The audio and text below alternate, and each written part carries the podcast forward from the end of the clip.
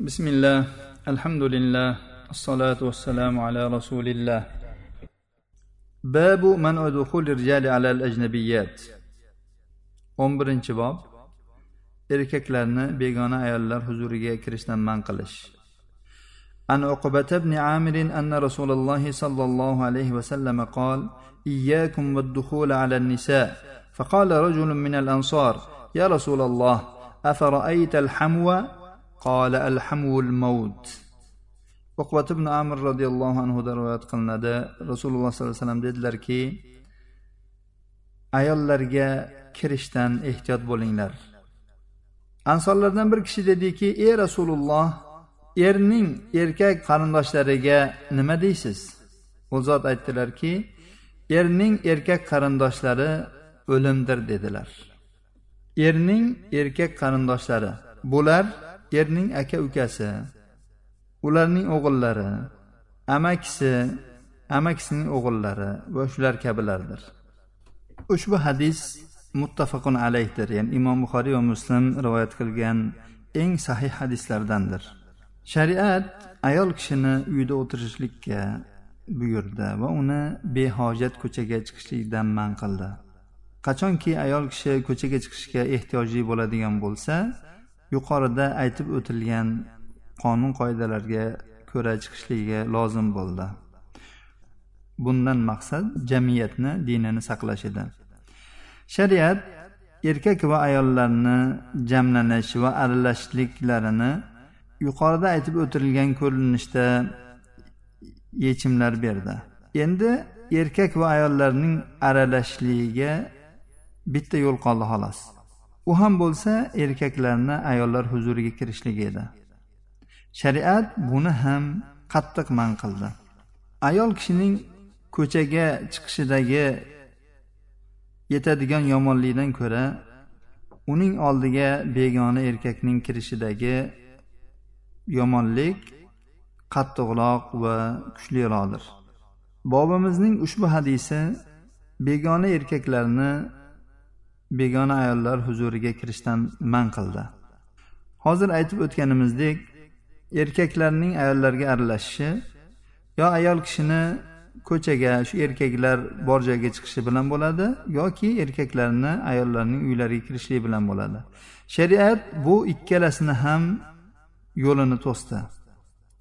Har ikki holatga o'z qonun qoidalarini qo'ydi. Rasululloh sollallohu alayhi vasallam mazkur hadisda begona ayollarning huzuriga kirishdan juda ham qattiq qaytardilar. Aytdilarki begona ayollarning oldiga kirishdan ehtiyot bo'linglar. Sahobalar rizvonullohi alayhim bu so'zni yaxshi tushundilar. Rasululloh sollallohu alayhi vasallam ushbu so'zlari barcha begona erkaklar begona ayollarning huzuriga kirishlari mumkin emasligiga dalolat qilayotganligini bildilar. Biroq erning qarindoshlari uning xotinining oldiga kirishlari haqidagi hukmni so'radilar. Go'yoki odamlarning odatlari ana shu paytda bu xususda bemalolroq edi beparvoroq qarashardi bu ishga. Buning sababi ularning hammasi oilaning obro'sini saqlashga ya'ni birdamlik bilan harakat qilishardi va yana qarindoshlik tufayli ishonchning hosil bo'lishi. Ya'ni biz ishonamizu bir birimizga bu ishonchli u degan narsaga suyanib shunday bo'lgandi ularning holati. Shunda rasululloh sollallohu alayhi vasallam ayollarning oldiga erning erkak qarindoshlari kirsa nima bo'ladi deganlarida juda ham qat'iy va juda ham qattiq javobni berdilar. Rasululloh sollallohu alayhi vasallamning javoblarini eshitgan odam ya'ni bu ish harom deb aytishlariga o'rin qo'ymadilar. Balki u zotning so'zlaridan bu ishning ya'ni haromligi qat'an harom ekanligi ochiq tushuniladigan so'zni aytdilar. U zot aytdilarki erkakning qarindosh urug'lari o'lim dedilar. Ya'ni erkakning qarindosh urug'larining ayolning ayolni oldiga kirishi o'lim dedilar. Go'yoki ayolning oldiga kiradigan erkaklarning eng xatarlisi erning yaqin qarindoshlaridir erkak qarindoshlaridir. Navaviy rahimaulloh ushbu hadisni ma'nosini sharhlab turib aytadilarki buning ma'nosi shuki erning yaqin qarindoshlaridan bo'lgan xavf boshqalardan ko'ra kattaroqdir. Undan yomonlikni kutish yaqinroqdir. Ular bilan fitnalanish ko'proqdir. Chunki ular ayol kishiga bemalol kirishlari mumkin. Va birov inkor qilmagan ajablanmagan holatda ayol kishi bilan xoli qolishi mumkin. Bu ajnabiyning ya'ni begona erkakning aksi o'laroq. Begona erkak agar birovni uyiga kiradigan bo'lsa u darrov bilinadi e bu falonchi falonchini uyiga kirib ketyapti uyda yo'q ediyu ishda ediyu va hokazo deyiladi. Ammo qarindoshi ya'ni erni akasi ukasi yoki amakisi kirayotgan bo'lsa ha bu o'zini amakisi endi kiryapti deb o'ylashadi. Navaviydan naql tugadi. Ibn hajar aytadilarki ayoz dedilar. Buning ma'nosi erning yaqin qarindoshlari bilan xilvatda qolish fitnaga va dindagi halokatga olib boradi. Buning rasululloh sollallohu alayhi vasallam bu halokatni xuddi o'lim halokatiga o'xshatdilar. Qurtubiy aytadilarki mufim nomli kitoblarida buning ma'nosi erning qarindoshlari uning ayolining huzuriga kirishlari shu qabihlikda va yomonlikda xuddi o'limga o'xshaydi. Buning haromligi ma'lumdir. Rasululloh sollallohu alayhi vasallam bu narsadan nafratlantirishda shunday mubolag'a qildilarki hattoki buni o'limga o'xshatdilar. Chunki odamlar ya'ni er bo'lsin xotin bo'lsin yoki u kiruvchilar bo'lsin bunga beparvo qarashadi. Ular bunga odatlanishib qolishgan. Hattoki erning shu yaqin qarindoshlari aka ukalari xuddi bir bu uning xotiniga bir begona emasdek tuyulib qolgan.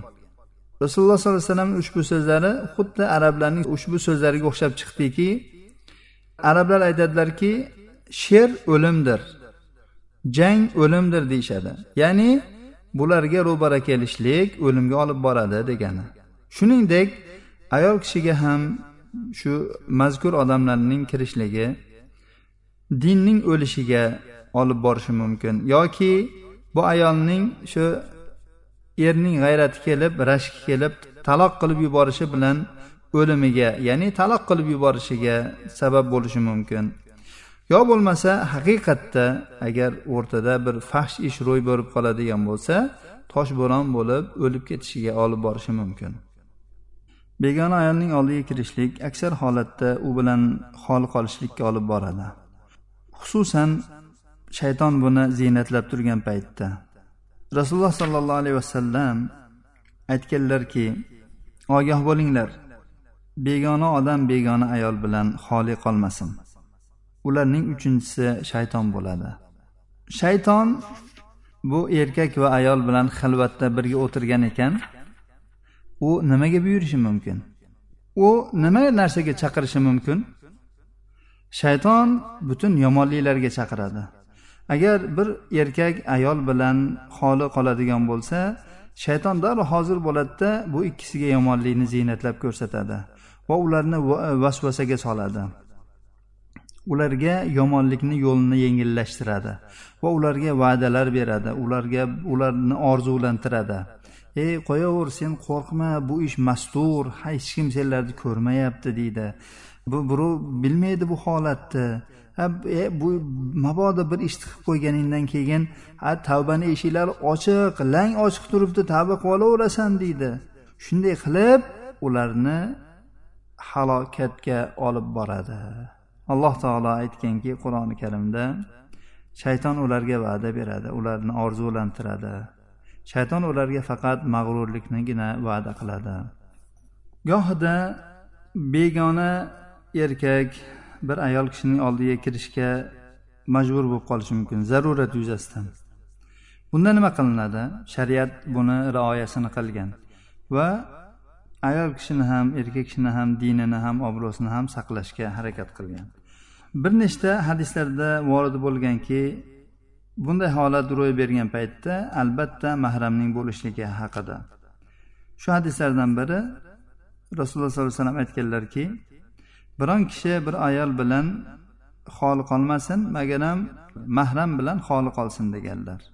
Navoiy rahimalloh aytadilarki va mahadu mahramin degani mahrami bor bo'lsa degani. Bu ayolning mahram bo'lishi ham mumkin erkakni mahram bo'lishi ham mumkin. Ikkinchi ehtimol fuqarolarning qoidalari shunga asoslanadi. Ular ya'ni bu ayolning o'zini mahram bo'ladi masalan o'g'li akasi ya'ni onasi opasi bo'ladimi birga? Yoki bu erkakning opasi qizi ammasi xolasi bo'ladimi? Bular hammasi barobar bo'laveradi deganlar. Ya'ni bu ya'ni xoli qolish ya'ni masalan bir e, aytaylik uyda bir sabab bilan o'tirishibdi yoki bir joyga birga borishdi yoki moshinada birga ketishyapti. Shunga o'xshagan holatlarda ayolni o'g'li aka ukasi yoki e, qizi onalari bo'lsa hmm, ya'ni ularni uchinchisi bor. Yoki erkakning ayoli opasi singlisi ammasi birga bor. Shunday holatlarda hol qolishlari mumkin. Bu zarurat yuzasidan bunga ruxsat berilgan. Balki gohida bir zarurat holatlari bo'lishi mumkinki masalan bir ajnabiy ayol begona ayol. Yo'lda masalan yolg'iz qolgan. Shunga o'xshagan bir holatda. Agar uni shunday tark qilinadigan bo'lsa unga bir fosiqlar e, tegajoqlik qilishi mumkin boshqa qilishi mumkin. Shunday holatda erkak kishiga vojib bo'ladiki ana shu ayolni shu joyiga manziliga yetkazib qo'yishlik. Zarurat holati bo'lgani uchun bunday holatda xoli qolishlari mumkin. Shunda ham ya'ni ehtiyotini qilish kerak bo'ladi. Bunga mana oysha onamizning ana shu qissalari mashhur va ma'lum dalil bo'ladi. Endi e, mazkur xoli qolishlikdan qaytarish ular ya'ni erkak va ayol begona erkak ayol ya'ni hech kim ko'rmaydigan biror xonani ichida xoli qolishlarigina emas balki xoli qolish deganda har qanday holat bo'lishi mumkin. Masalan qorong'ida ya'ni ochiq joyda lekin qorong'ida birov ko'rmayapti. Yoki xilvat ko'chada xilvatroq joyda odamlarni ko'zidan uzoq. Yoki odamlar bo'lsa ham ular e, ko'rmaydigan darajada bir pana joyda bo'lishadigan bo'lsa bularni hammasi xilvat hisoblanadi. Ya'ni mazkur xilvatga o'taveradi. Ya'ni xilvat deganda ya'ni eshiklar bekilgan pardalar tushirilgan bo'lishi shart emas. Muslima ayollarimiz bugungi kundagi ko'p qavatli binolarda bo'lib ham e, juda ham ulkan baland binolardagi liftlarda agar yolg'iz holatda bo'ladigan bo'lsalar mabodo biron erkak kishi chiqib qoladigan bo'lsa o'sha holatda u masalan chiqib ketsin yo iloji bo'lsa u erkakka chiqma desin yo agar chiqaman desa u ayol chiqib tursin o'sha yerga. Keyin boshqasi e, kelganda boshqa lift kelganda unga chiqib ketishligi mumkin bo'ladi. Lekin xoli qolmaslik kerak. Chunki shaytonni ishini aytib o'tdik. Demak ushbu hadisdan oladigan foydalarimiz erkak ayollar agar bir birlariga begona bo'ladigan bo'lsa xol qolishlari harom ekan. Mahram bo'lmagan erkaklar bilan xol qolishlikdan juda ham qattiq ehtiyot bo'lish kerak ekan. Alloh subhanava taolodan ushbu o'rgangan darslarimizga chiroyli amal qilishlik nasib qilsin. Bizning yurtlarimizda ham mana shu narsa juda ham bir oddiy holga aylanib ketganki erning aka ukalari albatta otasi mahram aka ukalari amakilari xotirjam kirib kelishadi. Agar kelin ulardan qochadigan bo'lsa hijoblanadigan bo'lsa e sen mendan shubha qilyapsanmi? Nimaga endi sen mendan qochasan ekan? Men nima senga xiyonat qilib qo'ydimmi deb o'zlarini oqlashadi. Shariat rasululloh sollallohu alayhi vasallam aytdilar. Erning yaqin erkak qarindoshlari o'lim dedilar. Modomiki o'lim ekanmi? Demak biz bundan chetlanishimiz kerak. Ishonch boshqa mayli o'z yo'liga. Lekin shariat buni man qildimi? Man tiyilishimiz kerak. Shu o'rinda kelinni haq huquqlarini ham rioya qilish kerakki agar bir uyda kuyovni aka ukalari yashashadigan bo'lsa hijoblanishda qochishni imkoni bo'lmaydigan bo'lsa ayol kishini haqqidan boshqa uy talab qilishligi. Chunki shariat uni man qilgan. Er ishga chiqib ketadigan bo'lsa uni bo'ydoq ukalari uyda qolsa onasi ishga ketsa bu musibatku. Bu jihatga ham jiddiy e'tibor berish kerak bo'ladi. Hadisimiz erkak begona ayol bilan yolg'iz qolishidan qaytardi.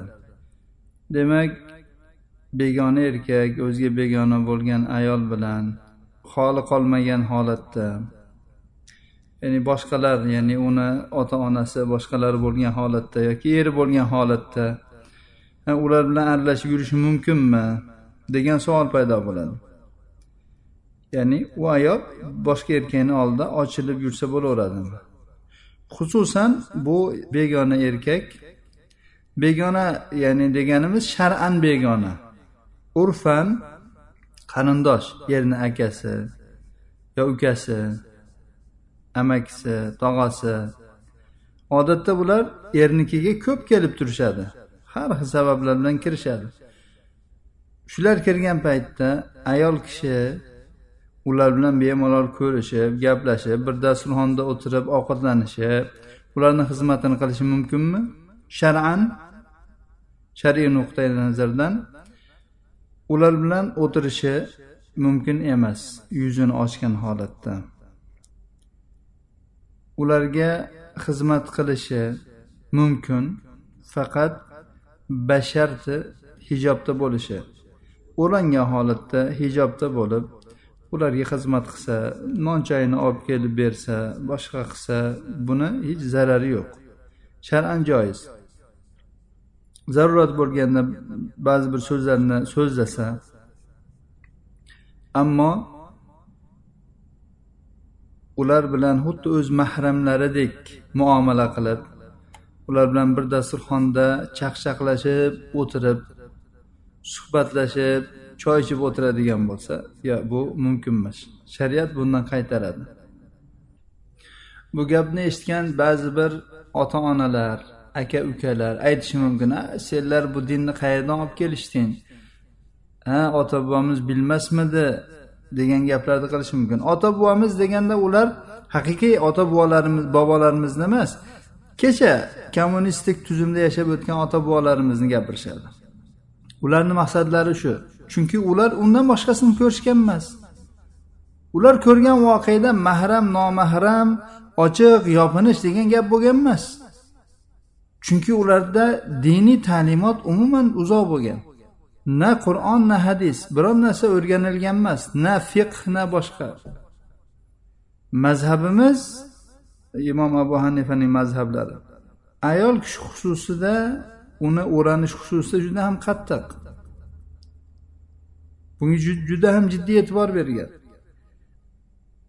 Jiddiy e'tibor bermaganda sakkizinchi marta paranjini uloqtirgan ayollar o'sha paranjilarda yopilmagan bo'lishardi. Ash hanafiy ulamolarimizning fatvosi bilan ko'rsatmalari bilan tikilgan paranjilardi o'shalar. Demak bugungi kunda e'tirozlar bo'ladigan bo'lsa aytiladi. Rasululloh sollallohu alayhi vasallam bizga mana shu islom dinini alloh taolo u kishi orqali yuborgan zot. Aytdilarki alhamu al mavd dedilar. Hamu erkakning erkak qarindoshlari ya'ni erning erkak qarindoshlari. Akasi bo'lsin ukasi bo'lsin ularni farzandlari bo'lsin o'g'illari. Amakisi tog'asi bularni farzandlari bo'lsin. Bularni hammasi al hamud deyiladi arabcha. Al maud deyildi. Erning erkak qarindoshlari o'lim dedilar. Buni biz yuqorida ulamolar o'limdan nima maqsad ekanligini bayon qilganlarini aytib o'tdik. Shunday ekan biz shariat hukmi kelgan paytda eshitdik va itoat qildik deydiganlardan bo'laylik. Eshitdik itoat qilmaymiz. Biz eshitdik ota bobomiz aytganini qilamiz ota bobomizni qilganini qilamiz demasligimiz kerak. Eshitdik alloh va rasulining so'zini va shunga amal qilamiz. Tamom. Bundan boshqasi yo'q. Agar shunday qilsak najotga erishamiz bundan boshqasi bo'ladigan bo'lsa holimizga voy bo'ladi. Dunyoda ham oxiratda ham.